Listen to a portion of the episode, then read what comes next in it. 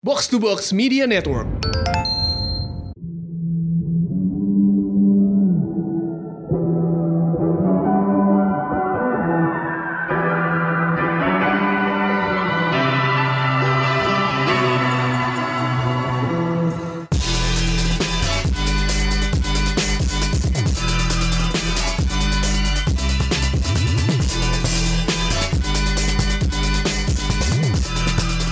Selamat datang di Showbox Podcast. Ada gue Lisa Gua Angga. dan minggu ini kita bakal ngomongin dua film yang bakal tayang di Jogja Netpack Asian Film Festival atau JAF yang bakal eh, mulai di Yogyakarta 27 November sampai 4 Desember. Jadi minggu depan nih mulai JAF di Yogyakarta. JAF Jadi ke-13 ya. Ya, minggu ini kita nggak ada Stanley karena lagi libur Stanley-nya. Stanley ke mana nih?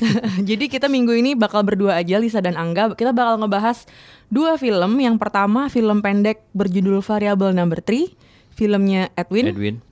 Dan Lalu yang kedua, apa film enggak? panjangnya pertamanya dari ya di Yandi Lawrence berjudul Keluarga Cemara. Asik. Jadi kita bakal ngebahas uh, dua film langsung. Uh, buat sesi film pendeknya kita nggak akan ngasih spoiler session. Jadi kita akan bahas secara umum aja langsung. Dan buat yang mau spoilernya silakan datang ke Jogja buat nonton filmnya.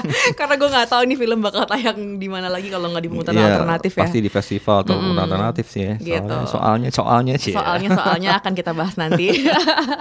ya dah, yuk nggak kita bahas langsung uh, film Variable Number T. Dengerin dulu trailernya berikut ini. From Tokyo International Film Festival to the world.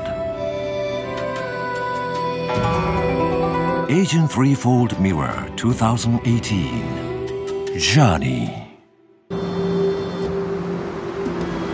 有我女儿陪着我旅游，我多幸福啊！谁跟你出来旅游了？爱去哪儿去哪儿。我昨天晚上又梦到你爸了。 Apparently, this train will go twice as fast. Bawa Piao Mei. Này chúng ta này chúng ta mình được bao nhiêu lima được bao?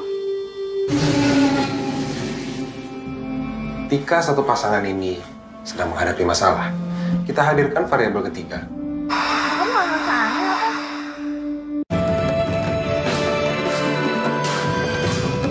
Through journeys, we discover true meaning in this transient world.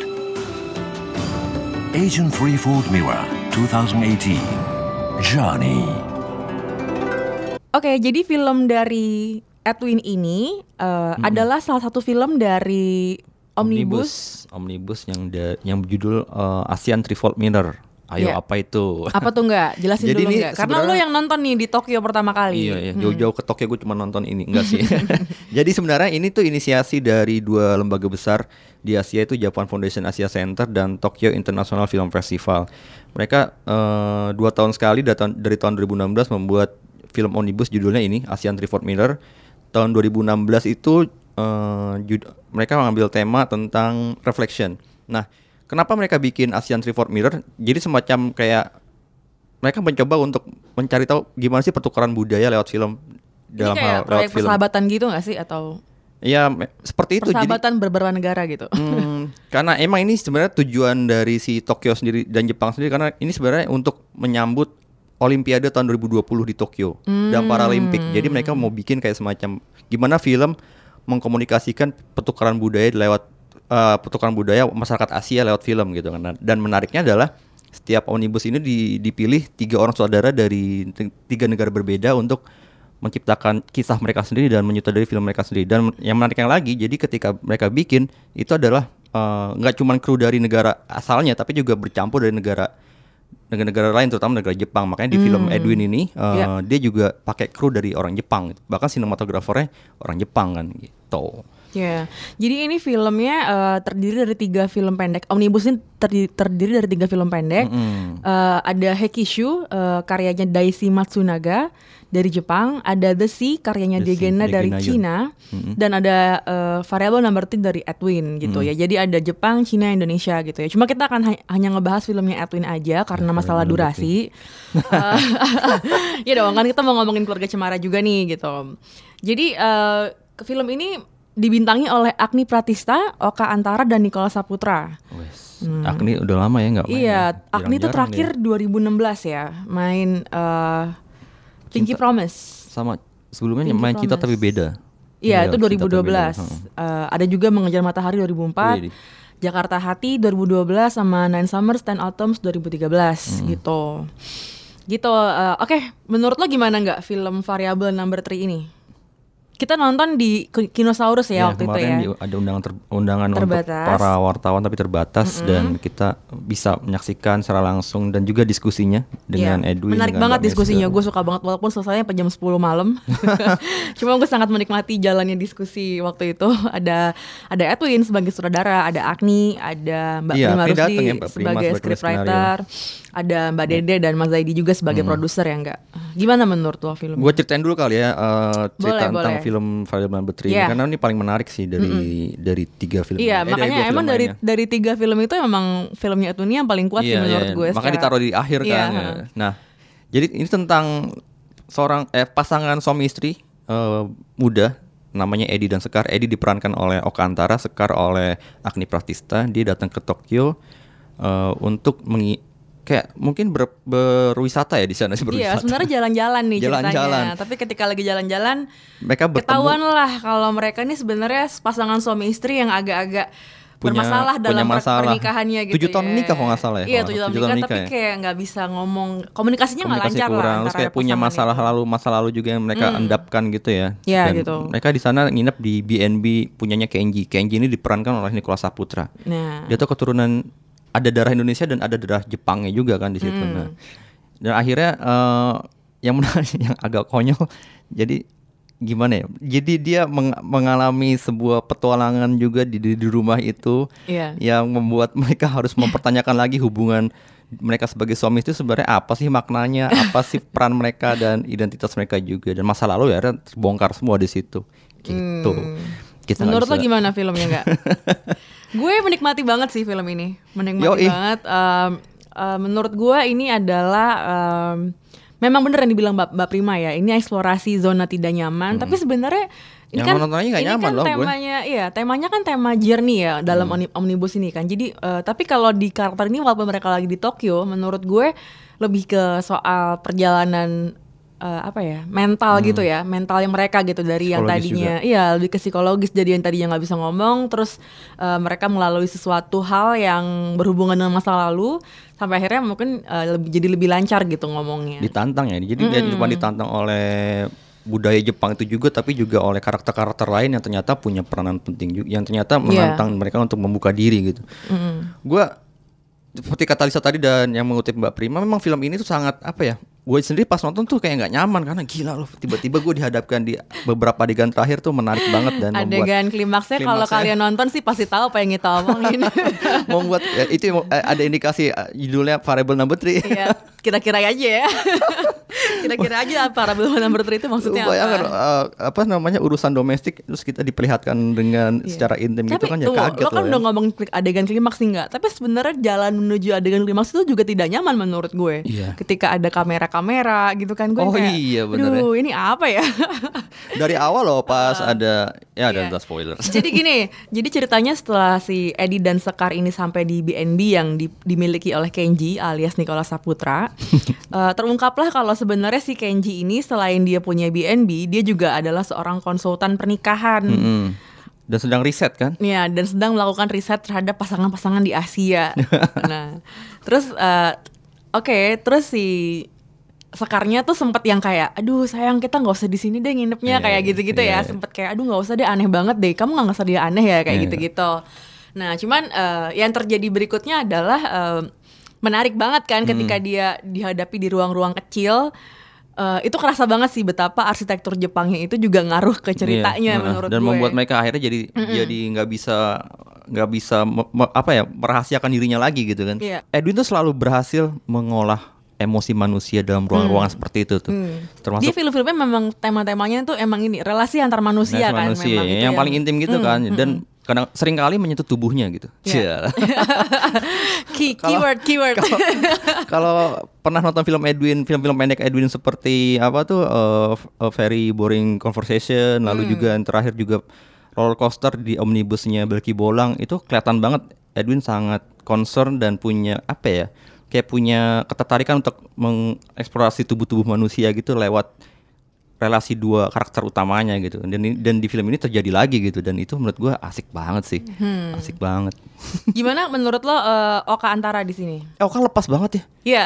setelah gua not- ki- kita udah nonton ini kan eh, apa namanya eh, Aruna terus Kita baru kelar nonton Oka di Aruna yang karakternya kenceng banget. kenceng banget mukanya kayak aduh tegang Gue tegang tertarik banget dengan Eddie di sini karena Eddie di karakter di film ini tuh digambarkan sebagai seseorang yang memakai penyangga leher Mhm. gitu. Jadi eh, kita sih ngelihatnya nggak tahu ya nggak kalau gue ngelihatnya dia jadi kayak metafor apa ya antara hubungan dua orang ini agak-agak nggak lancar lah antara Mhm. si eh, Eddie dengan si Sekar gitu. Malah pakai itu juga penyangga Mm-mm, leher jadi- tambah parah ya Dan apa gerak tubuhnya Oka pun juga jadi agak-agak nggak leluasa gitu Jadi kan. agak kaku, kelihatan kaku, tambah kaku gitu Tapi ya. jadi kelihatan betapa antara si Eddie dan Sekar ini emang ini ada something nih kenapa Iya, nih mereka gitu Iya, kan. iya. Terus ada adegan di eh, mereka ketika lagi di bathtub terus apa ya itu kan supposedly kalau suami istri tuh jadi adegan intim yang menarik apa Hmm, gitu kan hmm. tapi ini tuh bener-bener dingin Hmm, gitu hmm. kan jadi posisinya oh, aja ber- be- iya. aneh kan posisi Mm-mm. mereka di bathtub itu dan di situ lo jadi kayak tahu oh ini pasti ada something nih mereka ini lagi Hmm. menghadapi sesuatu masalah sesuatu dan ya itu nanti yang akan mereka berusaha atasi di segmen berikutnya gitu kan. Nggak cuma Oka doang sih menurut Mm. si si siapa Niko juga lumayan beda loh actingnya di Iya. sini kayak Niko di sini. mengingatkan gue pada janji Joni dulu. Niko di sini karakternya agak-agak kayak happy go lucky. Terserah pokoknya gue ya ada ada dia punya kegiatannya hidupnya sendiri Ini aja orang aneh gitu. banget tapi borderline creepy dengan kamera-kamera Iya, dan foto-fotonya atas nama riset. Tapi gue yang kayak "Eh, ini orang creepy banget sih gue kalau jadi Edi gue udah pindah dari rumah itu sih Exactly, gue juga bingung gua. kenapa dia jadi pada malas pindah. Gue kayak gue akan menuruti apa kata Sekar gitu yang kayak ini Iya. orang aneh deh gitu. Karena tiba-tiba nongol terus gerak geriknya juga agak-agak Hmm. gimana gitu kan si Kenji ini gitu. kalau Agni gimana menurut lo Eh, Agni gue suka sih karena ini kan perannya sangat menantang ya Hmm. dan gue nggak kebayang betapa gimana ya seorang aktor bisa ada di posisi seperti itu gue eh, salut sih dengan Agni. Apalagi beda banget dengan karakter-karakter dia di film-film Hmm. lain. Walaupun kita nggak tahu ya ini minggu ini Agni bakal ngerilis Message Man Mm-mm. eh, Oh iya, film feature-nya dia juga yang baru. Dan kita belum nonton ya jadi kita baru nonton nanti besok. Eh, gitu. Kalau menurut lo gimana Agni? Iya ini menantang banget sih. Menurut dan yang gue kaget adalah eh, Agni kan bukan termasuk eh, pem- apa namanya aktor yang sering main film gitu ya. Dia Mhm.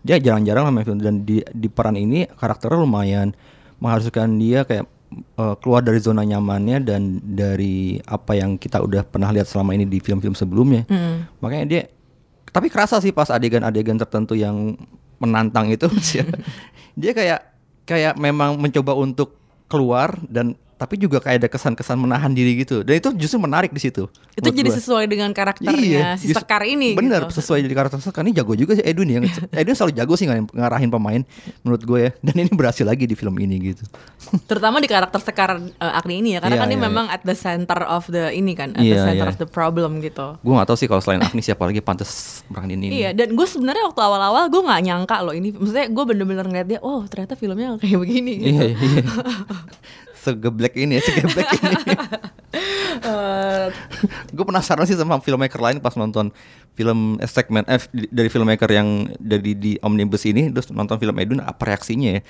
Ka- karena kan beda banget gitu ketika yang lain apa ya? Yang laut, Iya, gitu kan, drama-drama sama yang senyum- sunyi, pelan gitu. Iya, heeh. drama apa sih yang melaut itu tentang bawa abu, abu su- uh, iya, suami dan kremasi, ayahnya gitu suami dan kan. ayahnya ke laut. Terus yang kedua itu Ya Eh, tentang pria Jepang yang kerja di Myanmar di Yangon terus tapi dia di perusahaan kereta. lost in translation gitu lah. Mm-mm. Lost in translation. Terus tiba-tiba Edwin sendiri. number Di 3. film paling cerewet gitu. Tapi paling enak buat dinikmati sih menurut gue gitu. Untung taruh terakhir ya kalau itu ditaruh di Iya. awal kayaknya udah film omnibus Kalau ini dia nggak taruh di ya. awal dia akan ngeset tone Iya. buat dua film berikutnya dan mungkin bakal jadi nggak nyambung Nggak sih. nggak Jadi nyambung. menurut gue nggak enak benar lah. taruh di akhir.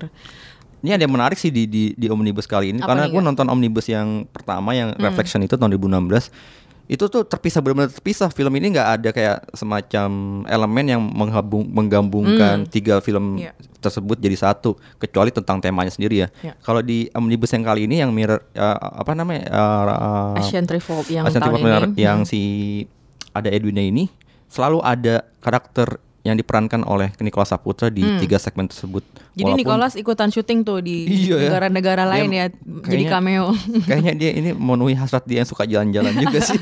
ada di Myanmar, Iya, iya, iya. ada di Tapi itu Jepang. nggak dijelasin ya, nggak dijelasin Nggak, siapa dia gitu ya? Iya siapa dia dan kenapa dia bermain di tiga Heeh. uh, film pendek itu gitu.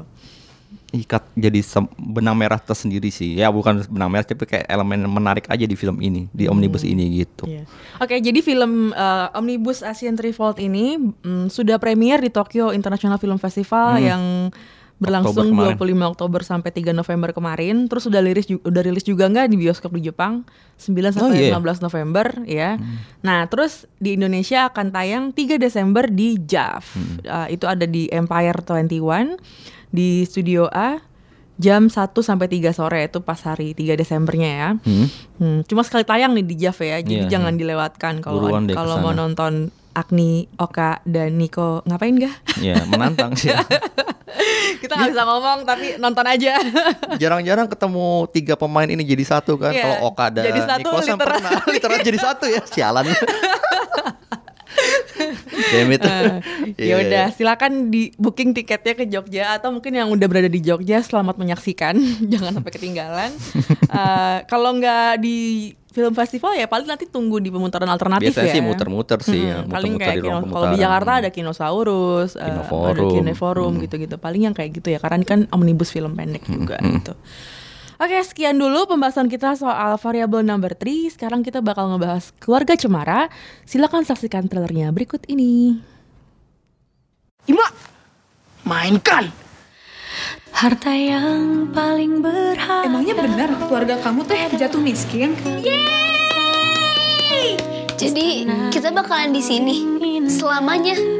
adalah Bah, rumahnya gak mau dijual aja.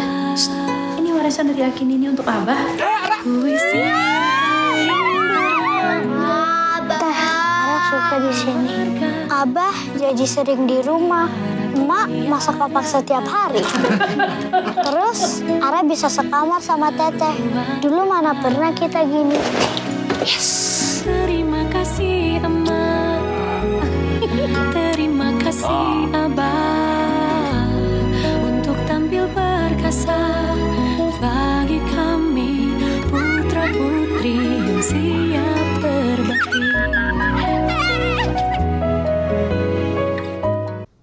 Nah, kalau dari lagunya gimana nggak? Memori banget gak sih? Memori banget. Selamat pagi. Tapi gue suka sih dinyanyi sama BCL. Iya iya iya. Terus ada core-nya lagi Jadi terakhir-terakhir ketika kan. gue nonton, kita nonton ini di press screeningnya screening JAV JAV, minggu lalu gitu dan eh, ketika lagu itu berkumandang kita yang kayak oh my god ini sinetron zaman dulu banget ya. Ketahuan di umurnya. Iya. Umur kita maksudnya. Gak apa-apa lah. Jadi keluarga Cemara ini kan sinetron eh, tahun dari tahun 96 sampai tahun 2005. 2005 Iya, Februari nggak Jadi kita bener-bener ya bisa menyaksikan karakternya tumbuh gitu kan.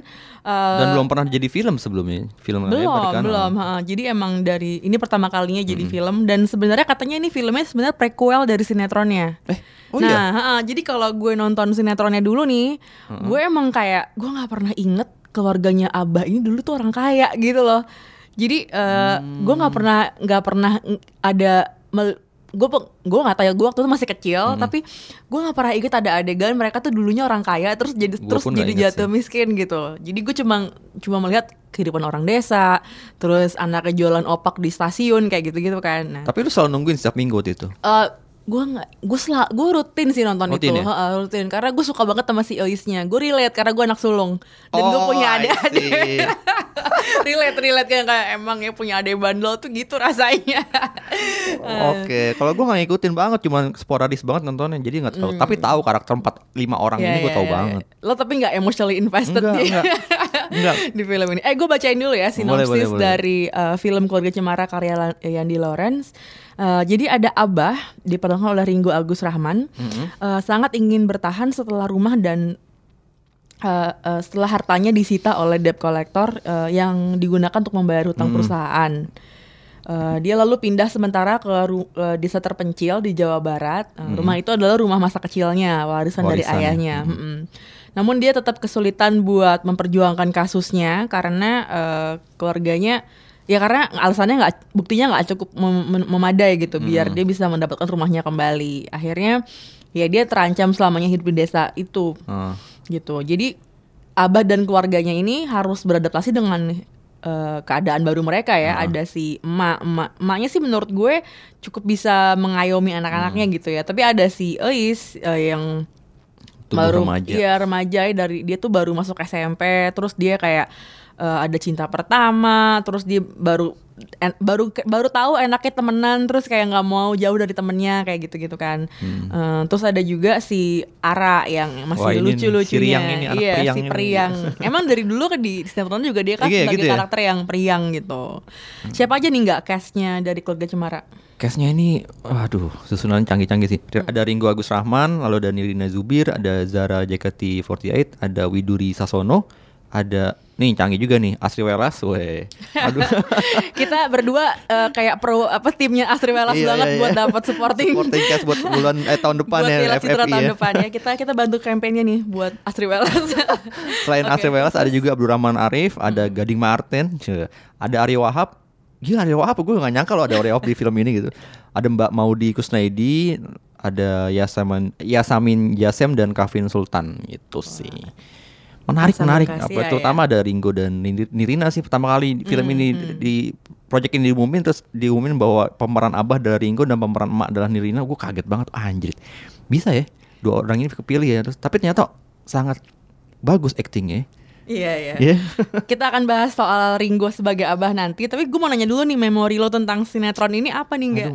itu dia kalau Lisa kan eh, apa ya attach gitu ceritanya kalau gue enggak gue gue nonton cuma sporadis doang kayaknya waktu itu film pas eh, serial ini ditayangkan di TV ada serial lain yang lebih menarik buat got itu ya kayak, Hmm. kayak ada serial kartun. Atau mungkin kayak semacam sensei ya gitu yang tayang bersamaan jadi gue nggak terlalu ngikutin. Ini beda sih kalau gue dulu ngikutin serial si Keluarga Cemara nggak nggak seperti gue ngikutin misalnya serial kayak di Sidul anak sekolahan gitu gue nggak ngikutin bang tapi gue tahu Dulu ada lo nggak ikutin? gue ngikutin cuma Oke. maksud gue gue ngikutin kalau Sidul sampai season 3 tuh gue ngikutin terus setiap minggunya Oh, nah kalau oke. gue Cemara gue nggak ngikutin entah kenapa mungkin karena ber- bener kata lu gue nggak ada kayak ikatan emosional dengan karakter-karakternya gitu kan Hmm, Iya iya iya. gitu Kalau gue ngikutin banget, eh, seperti yang tadi gue bilang, buat gue ini tuh eh, kalau gue denger keluarga Cemara ya gue ingetnya nih kehidupan orang desa, orang susah gitu ya, dan ada anaknya yang harus sampai jualan opak demi membantu keuangan keluarganya gitu ya, karena dia yang anak yang bisa diandalkan lah karena kan udah gede gitu, yang lainnya masih pada kecil. itu bener itu di serialnya juga kayak gitu ya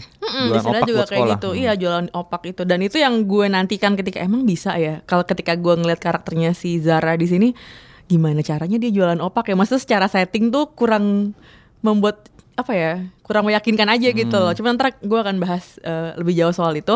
Nah, tapi maksud gue dulu tuh deso banget si keluarga Cemara ini gitu Duh, loh. gue lupa dulu tuh settingnya di mana si serial Aduh, ini Gue nggak inget settingnya di mana. Cuman settingnya deso banget Deso gitu. juga ya? Heeh. Bukan Maksudnya Jakarta dari pasti. dari segi keluarga, dari segi keadaan kita saat itu pun ya belum ada handphone. Hmm. Ngerti gak sih kalau di film ini kan ada tuh ada ada handphone ada segala macam. Pokoknya ini kemasannya milenial lah secara film ini kan. Hmm. Tapi kalau di sinetronnya tuh kan enggak gitu ya. Jadi gue sempet agak-agak ini gimana cara masukinnya ya untuk setting sekarang gitu, Hmm. Eh, setting modern sekarang milenial Gen Z segala macam kayak gitu. Tapi menurut lo lo menikmati filmnya? banget sih sekarang gue nonton nikmatin Pak. mungkin Ngaku karena nangis nggak? iya gue selalu lemah kalau nonton film drama keluarga entah Enggak, kenapa soalnya udah punya anak satu nih, jadi Dua dia, anak oh, anak lo dua. jadi lo ini bisa bisa relate sama si Ringo. Iya, terus anaknya cowok, anak yang pertama anak pertama gue kan cewek kan, jadi gue kayak merasa di an- apa dikasih peringatan buat antisipasi ke depan ini anak anak Nanti cewek anak lo berulah. remaja kayak gini nih, aduh, ya, kayak gitu gitu, jadi kerasa banget gue sih kemarin nontonnya, gue kan nonton sebelah sama Lisa ya, gue agak miring tuh, Lisa di kanan, gue lo gengsi ya ke kiri melihat gitu. gue.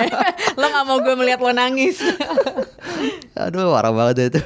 Iya, gue juga menikmati sih film ini. Menurut gue ini, gue selalu suka kalau ada film eh, keluarga yang bagus gitu, Aha. karena eh, Jarang loh gue juga, kita soalnya. iya jarang. Dan maksud gue eh, ini salah satu film keluarga yang emang gue pengen ngajak nanti kayak ponakan-ponakan Iya, gue benar, gitu benar, kan. Terus gue pengen ngajak eh, nyokap bokap gue juga karena gue tahu mereka bakal suka dengan cerita-cerita keluarga dan kan orang tua gue nggak terlalu suka yang terlalu drama atau yang terlalu Hmm. action gitu mereka nggak terlalu menikmati tapi kalau yang kayak gini apalagi ini eh, IP lama ya Hmm. pasti ada eh, aspek-aspek nostalgianya juga yang bakal mereka juga lebih enjoy nontonnya Hmm, gitu hmm. loh kalau lo gimana lo akan ngajak ini lo nggak Jadi gue tuh punya kebiasaan kalau di rumah tuh kalau selesai gue nonton film yang memang bisa di akan dinikmati oleh anak dan Mm-mm. istri gue, anak gue terutama. Iya. Jadi gue suka menceritakan ulang Mm-mm. sebelum tidur gitu ke anak gue. Jadi dan Apa nih sinopsisnya apa? Sino, eh, cerit- jangan cerita secara garis besarnya aja Hmm. dan jadi kayak eh, dongeng pengantar tidur lah jadi sampai anak gue tidur dan oke. pas kemarin pas gue cerita anak gue tentang kisah keluarga cemara versi film ini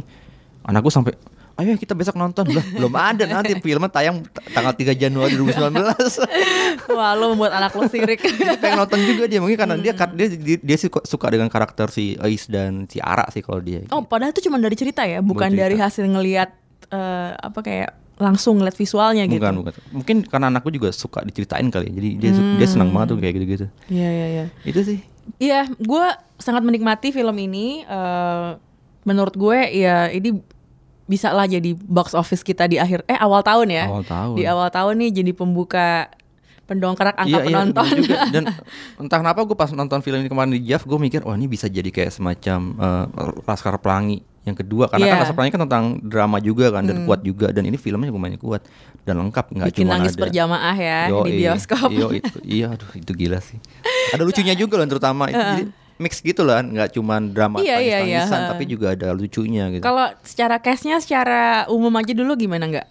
Eh, overall sih gue inilah angkat apa namanya gue dua jempol buat semua pemain terutama untuk Yandi dan casting directornya jago banget sih milih-milih pemainnya ini terutama buat karakter Widuri ya itu itu buat Hmm. gue gila ini anak seumur itu umur berapa sih gue lupa deh si Lupa Widuri aslinya gue.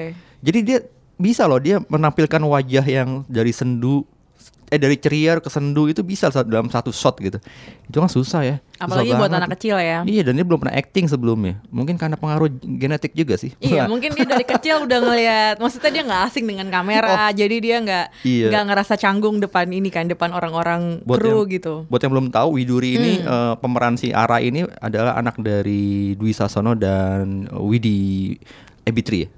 Dan Widinya ada di film ini. Oh iya. Sebagai ibu guru. Ibu guru ya terakhir ya gue lupa lupa gitu. Jadi ya. gue pas ngeliat, oh ada ibu anak, gitu. Kita akan bahas lebih lanjutnya di sesi spoiler aja kali ya nggak, biar eh, lebih lepas, Lebih lepas gitu, ya, lebih lepas nggak nggak kena ini, nggak kena hujat. Oke, kita lanjut di sesi spoiler berikut.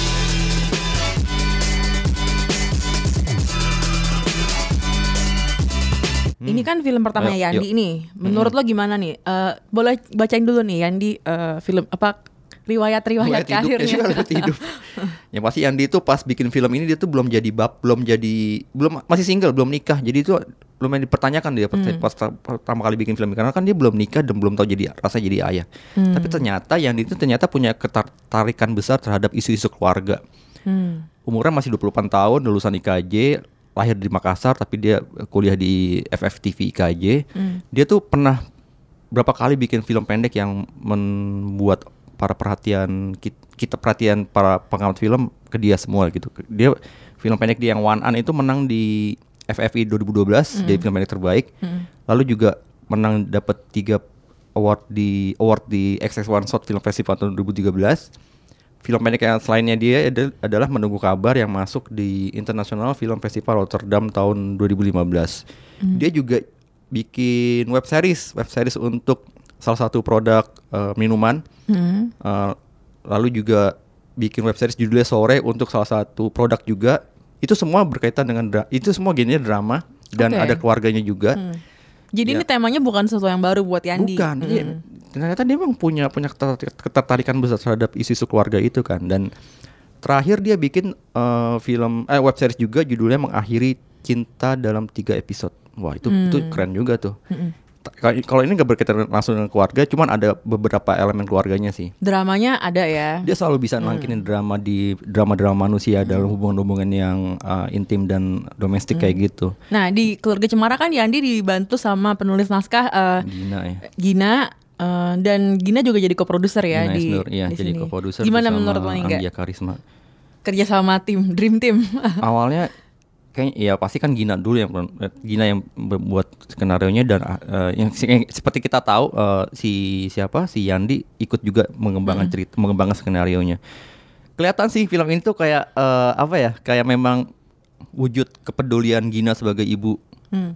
dan istri dan memang perempuan dan Iya. Anggia kan produsernya juga ibu dan perempuan Hmm. juga jadi kelihatan banget mix antara uh, isu-isu yang mereka pengen angkat dan Yandi waktu itu belum jadi belum ber- belum jadi ayah dan eh, belum jadi masih single aja men- mengasih input-input menarik juga sih kayaknya di film ini. Jadi membuat film ini lebih kaya aja sebagai drama keluarga. Dan gue sih nggak pernah ini sih pertama kali yang di, dibilang yang disebut kalau dia jadi eh, saudara film ini gue nggak gue gak kaget dan gue juga nggak khawatir. Karena menurut gue emang Yandi bisa ngangkat-ngangkat tema- tema-tema keluarga gitu gitu. Nah kalau gue uh, memori gue tentang keluarga Cemara kan lebih ke karakter anak-anaknya ya. Karena itu tuh gue nonton gue masih kecil dan gue sangat apa ya lu dari awal season pertama gue nggak inget dari awal apa enggak karena itu dari 96 gue gue nggak inget Hmm. Iya, gue 96. cuman gue sering nonton gitu.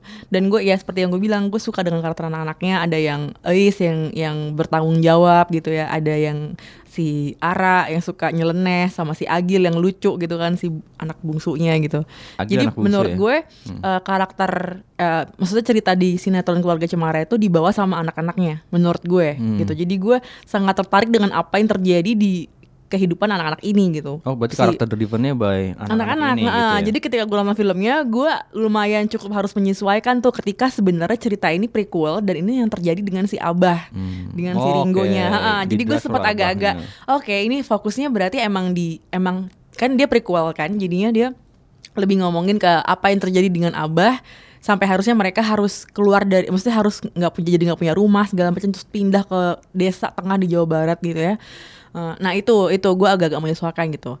Nah tapi eh, karakternya eh, Ringo dan Nirina kan kuat banget ya di Hmm. film ini. Dan mereka emang aktingnya bagus banget menurut gue. Agak jadi kebanting ketika sama anak-anaknya gitu. Banting gimana? Jadi maksud gue eh presence-nya tuh eh, agak timpang menurut Oh. gue. Ha-ha. Jadi ketika gue ngeliat si Ais-nya yang di film ini, gue agak-agak eh, gue I expected more gitu. Karena Oh, si di Ais ya. yang gue kan yang Ais yang ada di memori gue adalah Ais yang bertanggung jawab apa dia ngurusin. Pokoknya dia tuh andalan lah gitu, andalan. Walaupun ada drama-drama Hmm, anak hmm. ABG-nya, anak-anak kecil, anak-anak ABG gitu. Lucu tuh. Heeh. Iya, cuman ya ini emang ya emang ini kemasannya milenial juga ya gitu. Cuma menurut gue ya, Zara agak-agak terlalu datar aktingnya gitu Hmm, loh. Jadi ketika dibandingin sama Ringo sama emak ya ya gitu deh. Ya benar benar benar. Memang memang driven ya, didorong banget sama karakter si Hmm. eh, apa si Abah dan Emak dan apalagi ini kan film memang seperti seperti kata Lisa menceritakan bagaimana mereka harus pindah ke- kampung dan Hmm. hidup dengan sangat sederhana gitu kan dan Hmm. yang menarik sebenarnya jadi, jadi- kenapa ini jadi menarik kenapa dia mendorong eh, cerita film ini adalah karena karakter Abah ini berusaha untuk terus bertanggung, jawab kayak Mm-mm. berusaha untuk jadi laki-laki yang Ya. memimpin keluarganya padahal sebenarnya ternyata akhirnya keluarga itu nggak begitu juga keluarga itu adalah satu kumpulan dari orang-orang nggak cuma dari ayah doang tapi ada ibu ada anak-anaknya dan ini menarik sih di film ini yang ini kayak semacam diputar balikan gitu loh Iya, kalau menurut gue di ha. film ini kan Ada beberapa hal yang baru juga nih nggak? Kalau di sinetronnya si abahnya tuh sebenarnya jadi tukang beca. Oh iya Iya, dia jadi ini. tukang beca. Di sini dia tukang bangunan. tukang bangunan becanya ada tapi pas Becanya ditemuin ada, tapi nggak apa ya? Ada sih penampilannya ada Itu ya. kayak buat nongol, ini, tribut nongol. aja kali iya, ya. tribut buat beca di sinetronnya. Cuman Beca udah di- dilarang Jakarta Di film ya. ini si Ringo jadi tukang eh, tukang bangunan ya. bangunan. Masih nyambung sih sama karakter menurut dia. lo gimana? Eh, lo sempat ngerasa awkward nggak transisi ketika mereka dari keluarga kaya ke keluarga yang nggak punya apa-apa? Kalau gue sih enggak ya. Hmm. Karena eh, menurut gue karena di awal tuh di udah langsung dikisahkan kalau mereka tuh keluarga yang harmonis yang Mm-mm. kayak tabah aja gitu menerima eh, segala cobaan walaupun Hmm. waktu pas di awal-awal nggak diceritain juga coba cobaan seperti apa. Cuman kan kayak kita bisa ngeliat kalau karakter Abah yang di, di- dia di demo di awal-awal film di demo sama ka- para karyawannya karena belum bayar gaji dan dia berusaha untuk menenangkan itu. Kayak keliat- kelihatan lah kalau karakter Abah itu memang Ngomong. pengayom, ngomong segala macam dan karakter Mak juga di awal-awal film udah di set seperti itu dan uh, ketika ada datang rentenir itu debt collector datang buat menagih utang dan menyuruh mereka keluar dari rumah si, si Mak walaupun mukanya u- udah mulai sedih tapi tetap melihat memperlihatkan udah anak-anak gue nggak boleh terjadi apa-apa nih gue berusaha Ya. untuk menjaga semua kayak gitu jadi dan akhirnya kenapa ke- pas mereka akhirnya jatuh miskin dan hidup seadanya gitu eh, nggak nggak terlalu ini sih eh, apa ya Hmm. nggak terlalu ada jomplangan gitu Iya. mereka bisa menyeimbangkan itu gitu Kalau gue sempat worry ketika karakter si Ais-nya eh, harus jualan opak. Oh, karena, itu menurut beda gue, banget dari awal ya. Tampilannya mewah banget nih si Eis yang diperankan sama si Adi Zara ini ya. gitu. Eh, Jakarta banget Jakarta terus banget. ngomongnya aja English English Iya, gitu. Jakarta Selatan. gue pas gitu denger Gue gak ketawa. kebayang dia jualan opak gimana gimana Gina bakal masukin elemen Eis jualan opak itu gue sempet kayak nervous ketika nonton Hmm. ini kayak sumpah gue gak kebayang tapi ketika adegan itu akhirnya eh, muncul gue cukup salut sih karena oh ternyata bisa juga dikemas dengan eh, dengan seamless gitu jadi Hmm. dia nggak seperti ganjelan yang aneh gitu kan karena tiba-tiba ada karakter temennya Iya, yang ngebantuin gitu. ya. Jadi menurut gue itu sweet dibully. banget Nah. sih dan maksudnya gue sangat suka dengan elemen persahabatan eh uh, Eis dengan teman-temannya Hmm, barunya betul. di Hmm. sekolah ini karena menurut gue gue lelah dengan cerita anak-anak sekolah yang mean girls yang kasar kan Maksudnya ngerti kan yang anak-anak bandel segala gitu macam ya. eh, bully dan gue suka banget yang vibe-nya suportif kayak gini gitu nggak tahu ya, mungkin serial dulu gimana pertemanan si Eis di gue sekolah? gue nggak terlalu inget pertemanan dia dulu cuman gue ingetnya perjuangan dia jualan opak Memang segitunya. Eh, ya? emang segitunya banget sampai ada yang opaknya jatuh lah sampai nggak bisa dijualin lagi terus dia sedih dia nggak Oh. berani bilang ke ibunya kayak gitu-gitu loh lebih ke drama soal finansialnya sih lebih kayak bisa hidup apa enggak bisa makan apa enggak besok kayak lebih kayak gitu Iya, iya, gitu iya, loh iya. dan ini kalau ngelihat settingan keluarganya yang sekarang agak-agak Emang iya ya mereka sesusah itu kayak emang nggak bisa emang sih diceritain kalau mereka udah nelfonin keluarganya dan nggak ada yang mau bantuin kayak Hmm, gitu-gitu hmm. kan. Cuman agak-agak ngerasa emang iya ya gue agak-agak sempat bertanya-tanya kayak gitu sih. Cuman untungnya adegan-adegan yang kayak jalan opak kayak gitu itu cukup ya cukup bisa diterima lah Hmm. menurut gue gitu. yang nggak tahu ya gue gue nggak nonton serial cuman menurut gue di film ini juga eh, Yandi dan Gina yang bikin skenario nya bersama Yandi bisa tuh ngatur ritme ritme emosinya jadi Hmm. kita bisa kerasa Iya, banget iya, kan iya, bener-bener. awalnya bahagia terus tiba-tiba sedih Iya. terus bahagia lagi sedih gitu gue kalau Iya, iya. ini versi kalau menurut gue tuh kayak gue nonton sebelum sebelum iblis menjemput tapi versi dramanya Relentless gitu ya. Iya, Jadi iya. lo kayak bener-bener diaduk-aduk aduk gitu. dan seakan-akan sih emang memang ya kehidupan emang padat banget sih kisahnya kan jadi Hmm. padat banget dan konfliknya dipadetin juga gitu jago lah gue lumayan takjub dengan film drama ini drama keluarga ini karena jarang kan film drama Hmm. keluarga yang dibikin dengan Iya. bagus kayak seperti ini Nah, gitu. tapi di film ini juga selain abahnya dari tukang beca jadi tukang bangunan, nah karakter Agilnya berubah nih nggak? Kan tadinya ada Ais, Iya, ada ada, tiga anak kan. Ara, ada Agil semuanya perempuan. Nah, di film ini dirubah. Eh, jadi ada awalnya cuma ada Ais dan Ara, Ara. kemudian lahirlah bayi laki-laki bernama Laki-laki ya, Ragil. jadi Ha-ha, bukan jadi di- diganti ya. jadi laki-laki. Nah, itu gue juga kurang paham sih kenapa. Tapi eh, lo gimana dengan perubahan Oh. eh, case kayak gitu? Gua sih- perubahan cerita itu? jujur gue nggak tahu ternyata Agil tuh Agil tuh dulu perempuan ya cewek Perempuan dulu ya? soalnya gue inget banget ya itu yang kayak Iya. tadi gue kasih lihat adegannya si bedakan segala macam Oh. pokoknya emang yang bandel gitu loh gue pas gue gue gue pikir ya emang emang laki-laki dan Hmm. nggak ada masalah sih tapi yang menarik karena lu bahas juga tadi eh, tentang Hmm. kenapa jadi laki-laki mungkin karena pengaruh gini gue pernah datang ke acara tahun ah, akhir bulan lalu Adia Fest kebetulan saat itu ada tentang ngebahas tentang keluarga Cemara Mm-mm. gimana mereka ngubah cerita yang tadinya udah bertahun udah 20 tahun lebih Mm. mengendap di pikiran kita sebagai serial dan cerita bersambung dan novel lalu diubah jadi film film untuk generasi milenial Mm. ternyata ketika develop skenario itu lumayan memang alot dan uh, Yandi dan Gina itu dan Anggia juga ternyata memang mereka ingin memasukkan isu-isu yang isu-isu yang kontekstual dengan saat ini terutama tentang gimana perempuan dalam hidup rumah tangga itu berperan uh, tidak cuma sebagai sebagai ibu-ibu rumah tangga pada umumnya orde baru gitu kan hmm. tapi juga punya peranan makanya ada isu-isu yang patriarki yang di film ini yang coba untuk di di apa ya semacam di digeser sedikit Hmm. diisi oleh si peran emak ini kan makanya Hmm. makanya kita melihat sebenarnya di film ini si tokoh si abah tiba-tiba harus patah kakinya dan dia nggak Hmm. bisa nggak bisa bekerja sebagai bagaimana uh, Ya. seorang ayah kan dan harus Hmm. digantikan oleh ibunya emak dan si Ara Hmm. eh si Ara si siapa Ois. Ois untuk Hmm. jualan opak itu menarik sih menurut gua Iya. mungkin karena itu kali jadi dan eh nggak tahu mungkin karena mereka eh, karena udah ada tiga perempuan udah ada dua tiga perempuan Mm. dan akhirnya di ragil dijadiin dijadiin laki-laki Hmm. gitu. Tapi dulu sempat ada kritik kalau sih. keluarga Cemara ini propagandanya orde baru Oh iya. sempet di mana ya gue baca itu ya Bisa dianalisis Moing seperti itu ya. gitu-gitu ceritanya cuman kalau gue Iya, ngeliat film iya. ini enggak sih mereka cukup ada fightnya juga sebenarnya kan maksudnya enggak enggak nerimo-nerimo juga Enggak, gitu kan enggak. buktinya si abahnya juga awalnya kan dia bawa kasusnya ke pengadilan segala Hmm. macam gitu gitu sih. Kalau dulu kenapa sih mereka bangkrut nggak tahu juga loh ya. Kenapa? Dulu pas di serial kenapa mereka bangkrut nggak tahu juga. Ingat nggak? gue nggak inget itu diceritain gitu. Gue Oh. nggak inget ada adegan kalau mereka tuh dulu pernah kayak pernah pernah jadi keluarga yang berada Iya, dan berkecukupan gitu. gitu. Jadi emang memori gue tentang sinetronnya ya emang ya film orang Hmm. susah aja yang di desa, terus jualan opak, jualan segala macem, terus abahnya tukang beca kayak gitu-gitu. Tapi tapi di awal gue sempat agak ini sih, agak ragu dan khawatir gimana kata eh, sebutan emak dan abah ini bisa masuk ke dalam film seperti itu dengan itu yang gue bilang ini kan. gue bisikin kalau enggak enggak enggak itu orang Wong Soge tapi ngomongnya Iya kan orang Jakarta sama abah emak gitu. Oke. oke. mungkin itu uh, efek ini kali efek budaya Tapi akhirnya nyaman-nyaman aja kita nonton Iya. ya. Nggak ada masalah ya. Itu, kita sempat ngomongin itu ya nggak emang ada ya orang sekarang masih Iya, manggilnya emak sama abah. abah. Sekarang mah umi sama abi. Iya ya. itu, gue udah ngomong gue kedua Lisa tuh, Umi dan Abi, aduh, Eh, ya gitu. mirip-mirip sih. Ada lagi yang mau dibahas soal keluarga Cemara? Eh, paling si Asri Welas ya. Hmm. Lu kok Kita suka tim kan? Asri Welas. Jadi kita nonton ini setelah Berapa hari? nonton Iya doang ya? Susana. Susana Jadi ya? setelah Susana eh seminggu sebelumnya Susana, Mm-mm. terus kita nonton ini kan.